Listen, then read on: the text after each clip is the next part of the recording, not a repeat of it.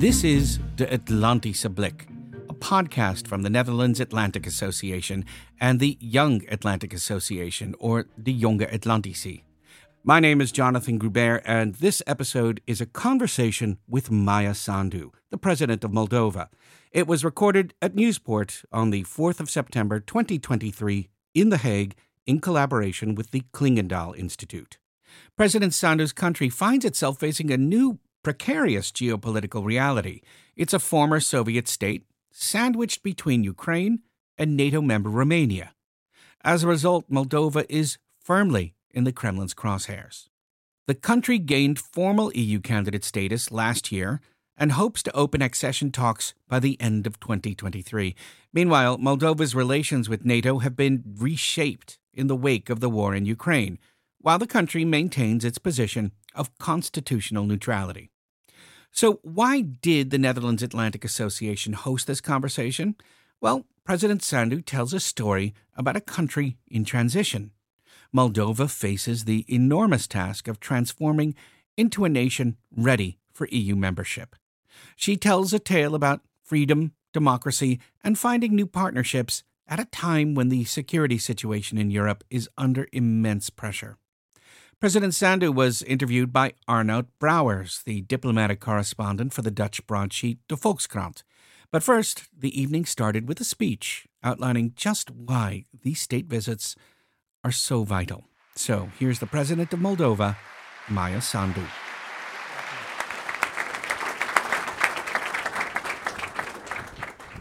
Well, first of all, thank you very much for this opportunity, and thank you very much for your interest in uh, Moldova and uh, the situation in the region. Uh, we uh, are here together with my colleagues, and uh, it's an honor for us to uh, be able to talk to the authorities of the Netherlands, to have meetings, and to express our gratitude for the support that Moldova has been receiving from the Netherlands over the years. Um, your support, uh, the support of Netherlands, has been uh, uh, very useful in strengthening the democratic processes and institutions in Moldova. We've been benefiting uh, from support in different areas, including uh, support for the free press, and there were difficult times in our history when the support was very, very important. Now uh, we're getting support for the justice sector reform, which is not an easy reform. We've been benefiting uh, from some support to deal with the energy crisis and so on. So I'm here to uh, explore further possibilities of improving, increasing our bilateral uh, relations. I'm here to talk about security issues in the region because of uh, Russia's aggression in Ukraine. And I'm here to uh, talk about the EU integration agenda of Moldova. And we're very grateful that the Netherlands uh, did uh, vote for the decision last year to provide Moldova uh, the candidate status, but we want to continue on this path. And uh, we want to, to see a decision on the initiation of negotiations being taken as, as soon as possible. Um, Moldova, of course, is facing quite some challenges. Even before the war, we were struggling. You know, myself and many other colleagues of mine, we had to fight uh, some corrupt governments. We had to become politicians. We had to show to the people that uh, democracy means. Uh, legal and transparent financing of political parties. We had to teach people that they need to make small donations to the party if they want to have clean politics. We had to explain that corrupt politics translates into corruption in state institutions. So we're having quite a lot on our plate to deal in terms of uh, challenges. Um, and then finally, after many years, when we got to power, we said, okay, now we, we have everything we need. Uh, we had uh, popular support um, and uh, the, uh, the reforms agenda ahead of us. And I was just thinking the only thing that we need is to make sure that there are not some extraordinary external challenges uh, so that we could focus on our internal agenda. Unfortunately, just a couple of months later, uh, the Russian war in Ukraine started, and then things became much more difficult. Moldova today is uh, safe thanks to the courage of the Ukrainian people, to the courage of the Ukrainian soldiers, to the courage of the Ukrainian leadership. Mm. Uh, Moldova today is more resilient than a year and a half ago. Uh, we feel safer today. Um, of course, the risks are still there. We're grateful to those countries which are providing support to Ukraine, and we hope that Ukraine will continue to get the necessary support. Uh, we are facing uh, attempts by Russia to destabilize our country, and uh, these attempts uh, take many forms. of course, the um, energy blackmail is one of the issues, but I can tell you that. Um, if a year ago Moldova was totally dependent on Russian gas, Today, Moldova does not consume any Russian gas, with the exception of the Transnistrian region, uh, because uh, last fall uh, Russia decided to cut gas supply by 60%, despite the fact that we were paying the very high prices for, for gas consumption. So we had to um, to find alternatives, and, and I'm happy to say that today we managed to make some uh, some stocks. Of course, it's not easy; the prices are high. Uh, we still go and buy on the market. Uh, we are working hard, and in two years from now, we will also get uh, independent on on uh, electricity uh, because we're building now high voltage line, which is going to connect us to Romania and to the EU market. So we've been uh, undertaking a lot of efforts uh, and a lot of reforms despite the difficult uh, situation. And I think we also managed to, to get some results. And just to, to give you a few figures, um, uh, a few data in terms of the, and I'm very proud of that, in terms of the uh, press freedom index. Um, Moldova managed to climb 61 positions just in uh, uh, two years. So from 89th in the international ranking, we're 28th today in the international ranking. We have managed to uh, get uh, a very good uh, place in terms of the gender equality. We are 19 uh, we're very, uh, we've managed to, to make some uh, improvements in terms of corruption perception. We uh, went up by 24 positions. Of course, fighting corruption is still a very big um, uh, problem, uh, even though we have full political support and we're working hard on it. Um, in terms of the rule of law index, we went up in the last two years by 14 positions. So we are making um, um, efforts and we, we, we have some achievements, but um, there is still a long way to go, of course. We've been trying to do our part in this in this uh, situation, or our part of the uh, our role.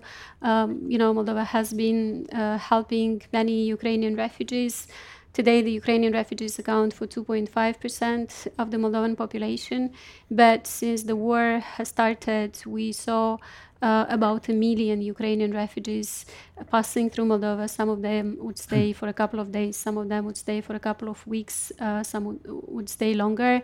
Uh, we have been able to help so many people thanks to uh, the citizens of Moldova because the state by itself would have not been uh, able to, to provide support to so many people. So we're very grateful uh, to all people. Um, this is how the Moldovans learn that they are so uh, generous. Um, but of course, we also face uh, economic implications, or the war has economic implications, and uh, these are still felt.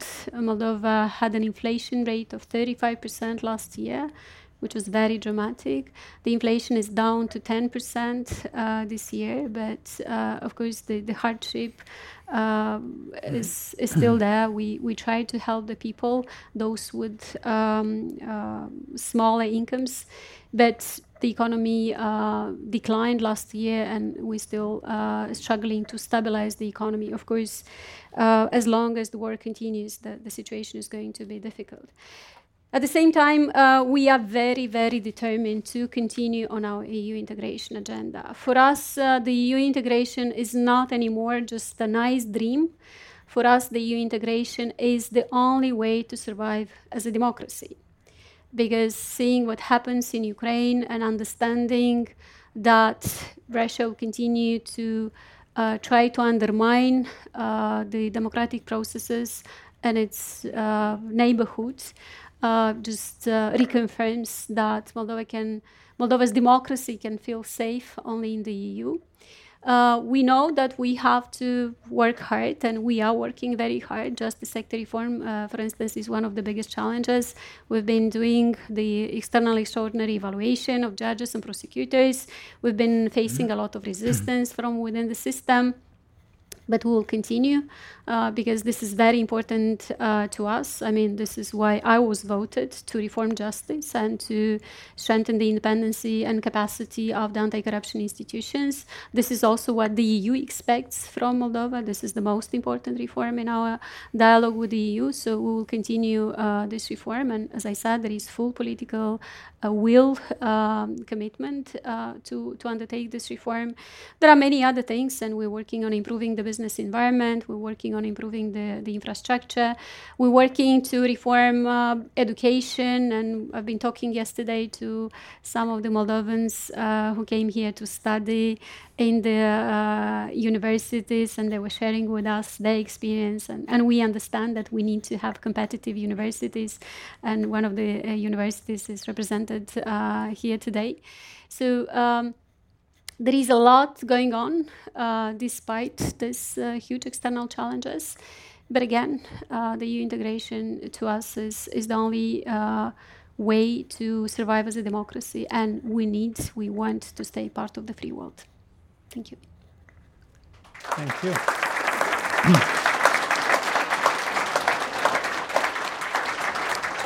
Uh, thank you, uh, Madam President. Um, and thank you very much again for being here with us uh, to, to have a conversation about your country and its integration uh, in the European Union. As you uh, have stated, it's the most important uh, goal at this moment.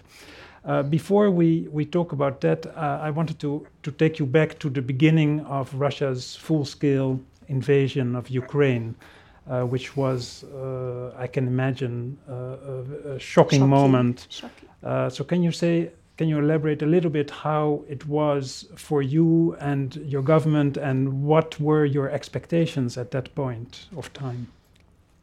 First of all, we didn't believe until the last moment that there was going to be a full fledged war. We did hear the US, uh, uh, we did hear the discussions, but we just couldn't believe because it didn't make any sense.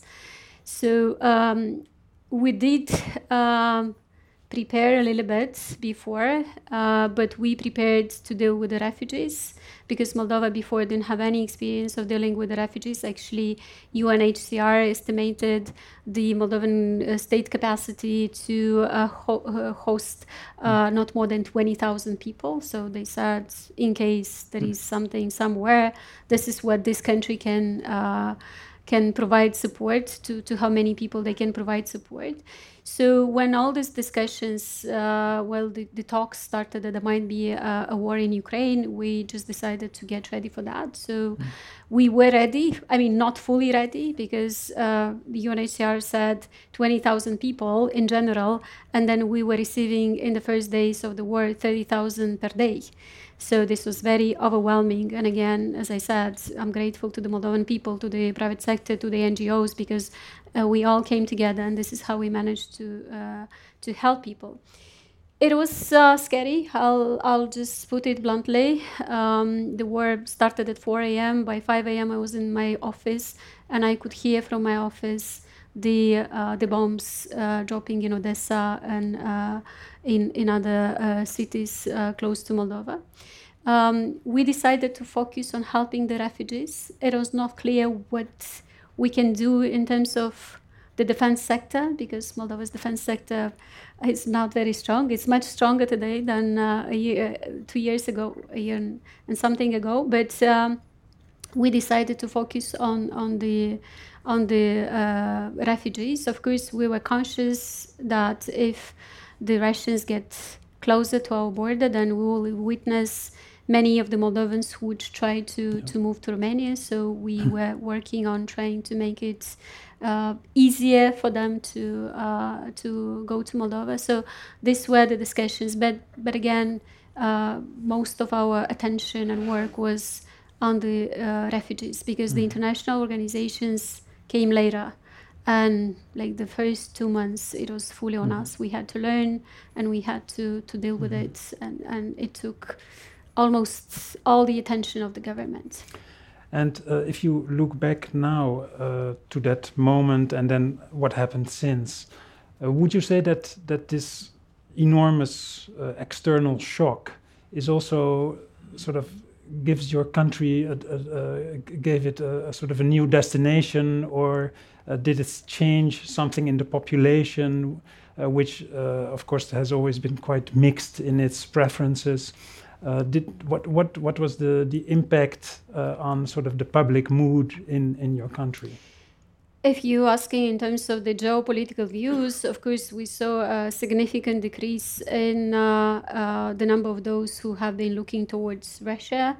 Uh, so the support for closer relations with Russia has has dropped. Uh, there are still people. The Russian propaganda and the disinformation is still strong. We are trying to fight it, but it's not easy. You know that even countries with stronger institutions. Uh, uh, don't necessarily uh, deal very efficiently with this issue, but that was like the the first impact was uh, a significant decline in the number mm-hmm. of people who are looking towards uh, Moscow and who would mm-hmm. respect Putin and so on.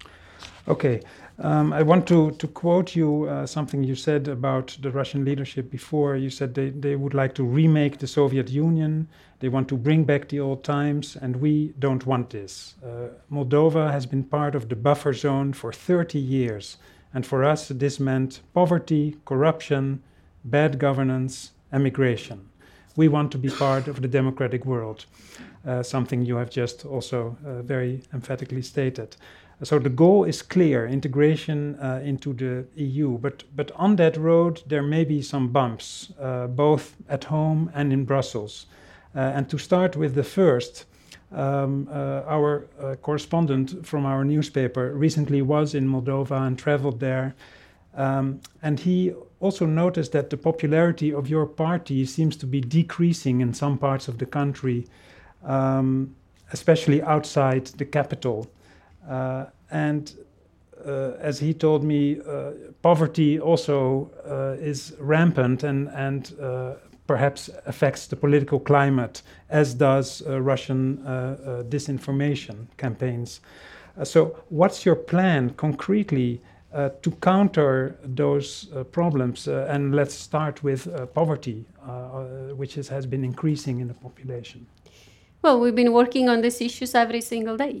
Uh, these are the problems that we have to face. And as I said, when you have uh, the gas tariff uh, grow seven times in 12 months, of course, you're not going to see many happy uh, faces. We did provide uh, compensation, social support to those who are most vulnerable, but uh, even for the average uh, income citizen uh, such an increase in, in the tariff for gas seven times.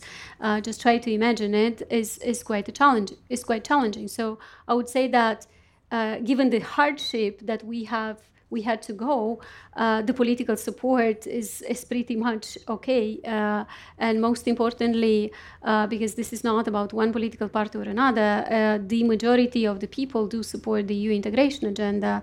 The support is between 60 and 70 percent, so there might be some uh, changes, but uh, but it's there. And in May, on May 21st, we had a big National Assembly, we called it European Assembly, and, and you saw uh, approximately 100,000 uh, people going into the streets to show uh, their support for the EU integration agenda.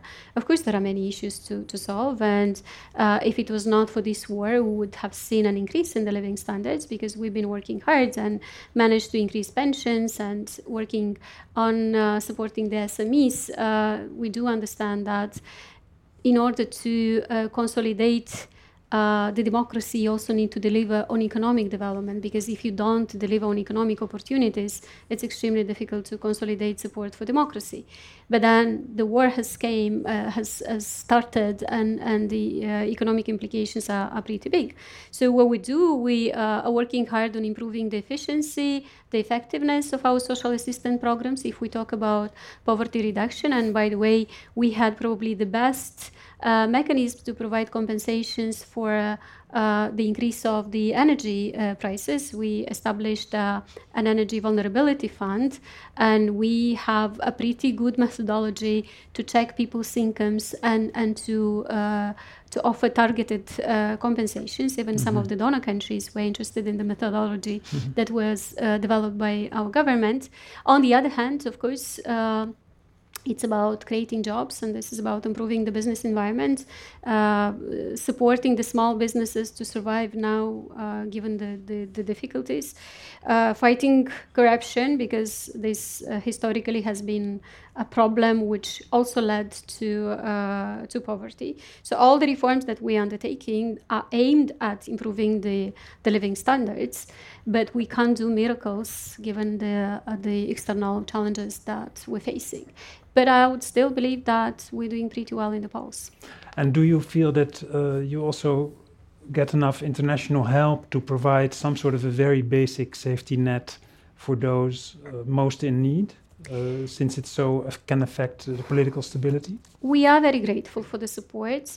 Uh, of course, uh, it's always better to get more, but we do understand uh, that uh, Ukraine should be supported and that Ukraine needs more resources. And and uh, you know, it's just on one hand, we want to stay stable for the sake of the Moldovans, but also uh, for the sake of the region. Just imagine if today in Moldova you would have a pro-Russian government, uh, which Kremlin would use against Ukraine. Moldova has a border with Ukraine, or Ukraine has a border with Moldova of 1,200 kilometers. You can imagine how damaging this can be if uh, Russia would manage to to get some uh, some politicians that uh, it controls. So you know we we have to stay stable. The economic development is important for us to be able to maintain the stability. But we've been going through very tough challenges, and and we emerged stronger and, and more resilient. And yes, it is uh, important for us to stay strong uh, the next uh, period we don't know when the war will end. This is the big question, and mm-hmm. of course, the longer it takes, the more difficult for, for all of us, uh, especially for Ukraine, which mm-hmm. makes the, the ultimate sa- sacrifice for, for, for freedom and, and for for their sovereignty. Uh, so yes, we're grateful for the support, and we hope we'll continue to, to get support in the mm-hmm. future. Uh, you mentioned uh, uh, Russian attempts at uh, influencing uh, the stability and the politics and the economics actually of your country.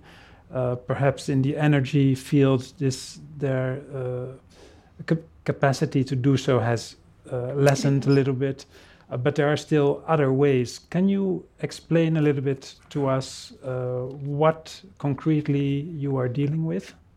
So, as I mentioned already, uh, last fall they were trying to use the energy weapon, and then they saw that we are capable of diversifying. And then this year, at the beginning of the year, I spoke publicly about it. Uh, Russia had a plan to overthrow the government. Uh, they were paying protesters. Of course, they were using criminal groups in uh, or corrupt groups in Moldova. I mean, the, the, heads of these corrupt groups they are hiding outside the country, but they're still trying to operate some network in the country. And they uh, they were paying protesters. Uh, and they were trying to organize violent protests uh, and then to overthrow the government. Uh, this plan failed. I spoke publicly. I warned the people for them to know. Of course, we are a free country. Anyone who wants can uh, protest, but not being paid by Russia. Uh, these are different things to have a genuine protest and, and to have something which is paid for um, uh, by, by Russia. and now we see more of um, Russian money coming to to, uh, to undermine our campaign processes, our elections, to buy voters, uh, to try to buy mayors. For instance, we have elections, local elections this uh, fall, and this is one of the risks that we see. Then next year we have presidential elections, and we do believe that these attempts will intensify. So it's the the, the money. Uh, the illegal financing of political parties, of campaigns, of politicians, and then the disinformation, the propaganda, of course, some of the economic uh, uh, elements, even though Moldova today is less dependent on the Russian market, but we still uh, have some, there are still some economic entities which uh, might have some uh, uh relations. But um, just want to speak here about one of the very positive results of the neighborhood policy, because I think Moldova is the best um, example of the positive, uh, you know, effects of the neighborhood policy. Moldova, uh, before the free trade regime with uh, EU, was very dependent on uh, trade with Russia. Today, uh, two thirds of Moldovan exports go to the EU. So you know, we we are on a stable market here. Uh, it's not political. It doesn't change the the uh, the trade doesn't change based on the color of the political party in power in Moldova. So, uh, and this is what we managed to do over the last decade mm. to significantly change. And is it also true that because of the uh, full-scale invasion uh, by Russia of Ukraine, that perhaps uh, it actually uh, strengthened the, the development towards a Western orientation for your commercial businesses yes, in your country. Yes, but most of the most of the reorientation of trade happened before. Hmm. Just imagine what would have been the impact of this. Uh, I mean, the economic implications are already uh, big, but what would have been the impact if we would have half of our exports going to Russia and then one day this would become right. impossible? But we kind of got ready for the situation thanks to the free trade regime that we hmm. had uh, with Russia. The question now is on the remittances, but even uh, uh, the number of migrants uh, from Moldova working in Russia started to reduce after the annexation of Crimea, uh, the few sanctions that have been imposed on Russia made it more difficult for Moldovans to find good jobs in uh, in Russia in Moscow. So after the annexation of Crimea, we saw part of the Moldovans working in Russia moving to the EU countries. So again, on the remittances, we have not been affected too mm-hmm. much. Well, actually, the remittances from Russia uh, for last year are pretty big, but that's because people just uh, took all our money, all their money from Russia because they left the country right. and then they took all the money. So those who had savings mm-hmm. and so on. So we, we believe that this is why um, the, the remittances coming from Russia for last year was still big. But then the uh, the dependency on, on remittances com- coming from Russia has also declined. Uh, you also mentioned uh, disinformation and so lies on social media, for instance, I can imagine, uh, or in political campaigns. Um, but uh, there is a segment in society who is uh, or used to be more Russia oriented, um, also language wise. What can you do and what do you do to reach out to them? And um, are you having any success in that? Well, from the very first days of the war, we tried to work hard to, to, to keep the unity and, and to uh, not to allow for any discussions based on the uh, language or ethnicity. I even remember the situation, and this was not just the case of Moldova, when uh, uh, on the website of the Russian embassy in Moldova, they posted a message saying, this was during the first days of the war, uh, they were saying, if you feel uh, you know, uh, intimidated by the Moldovan authorities or something like that, please do contact us. And then we, it was very uh, recomforting to see so many uh, Russian-speaking people replying on the websites of the Russian embassy saying, "We feel uh, respected. We feel at home here. We don't need you to come mm-hmm. and save us. Just leave us alone. We want to live in peace." So, and then we saw a lot of uh, Russian speaking people who participated in uh, helping the Ukrainian refugees. So, of course, there are people who would uh, say that uh, uh, Ukraine is to be blamed for the war or NATO is to be blamed for the war. but you have Russian speaking people or even Romanian speaking people who might think this way, and then you have uh, people who understand. Who is to be blamed for the war and, and people who understand how important peace is and how mm. important democracy is because they do see and, and, and i don't believe that anyone wants to live under a regime which puts kids in prison uh, because the kids criticize the president on facebook so you know it's we, we have to work of course the, the Russian speaking population might be more vulnerable to the propaganda. Uh, but this is quite a challenge for uh, mm-hmm. all the people. I mean, for, for different groups. And, mm-hmm. and uh, we, we have established, we're working now to establish uh, a unit which is going to coordinate our efforts in terms of fighting propaganda uh, and strategic communication. We're trying to learn from some of the EU countries, which has been more uh, successful than others. Mm-hmm. Um, then I, I, want to turn uh, your attention to the EU and to uh, integration with the EU. Um, one of the, uh, you mentioned rule of law, corruption, uh, fighting corruption is very important, high on your list. Uh, these are very tough uh, reforms, which often take many years. Um, in some instances, you might say, for institutions really to renew themselves, sometimes you need young people to replace uh, an, an, older generation, which was simply not raised or educated uh, to, to behave in this new way. Um, so that can take time. Um, how does that square with uh, the, your desire to integrate as soon as possible, I imagine, uh, in the EU? Um, can can this lead to difficulties? Because, for instance, at the moment, would you say that um, the institutions in your country and the democratic safeguards are necessary, are at the level necessary to be able to to become a member? Some institutions are in a better shape. Some institutions are in a, a less uh, uh, good shape, um, and uh, we said that we commit to be ready uh, to become a EU member by 2030. So that's our internal commitment. Of course, we'll see uh, what the EU, when the EU is going to be ready. And uh, I do believe that this is uh, realistic. Moldova is a small country. Uh, you're right, the justice sector reform is the most difficult one, but we have 500 judges and 600 prosecutors.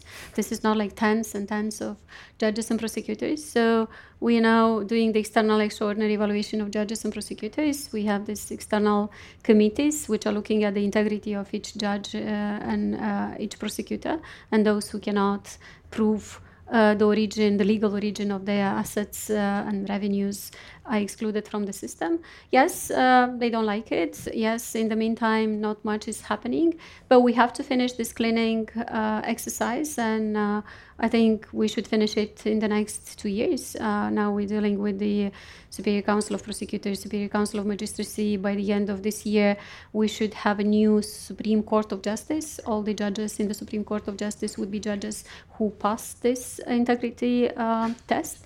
In October, we start the uh, testing the integrity of all the prosecutors in the anti-corruption prosecution. Uh, so one thing is cleaning up institutions in a credible way. Of course, consulting the Venice Commission on every single uh, word and so on. Um, and the other thing is building capacity because you also need to have good professionals. So that's a little bit more difficult uh, to do. Um, it's going to take some time. We're going to bring some some new people. We're already bringing some new people, but I do believe that this is realistic, especially uh, you know uh, by 2030. Again, sometimes mm. the fact that you're a small country is an advantage. Um, mm. You can do some processes. Uh, because uh, I quickly. also asked it because some experts uh, uh, raised the sort of the Georgia specter that there is the risk or the danger that your country might fall in the spiral that um, the the desired integration doesn't happen soon enough, and somewhere along the way, uh, anyway, uh, uh either economic uh, disparities or Russian influence gains the upper hand again, or uh, increases its influence again.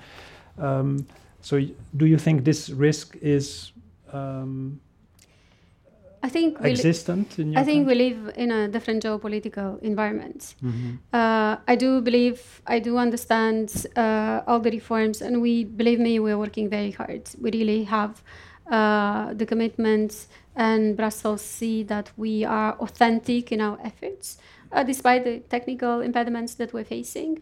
Um, so I do believe that the process should be merit based. We need to, despite all the difficulties, we need to show results. On the other hand, I think uh, the EU countries, the EU institutions uh, should see and probably see uh, the situation different uh, because again, uh, having Moldova, Ukraine as member, as EU member states, other countries is is not just about what we want. It's about the security of the continent.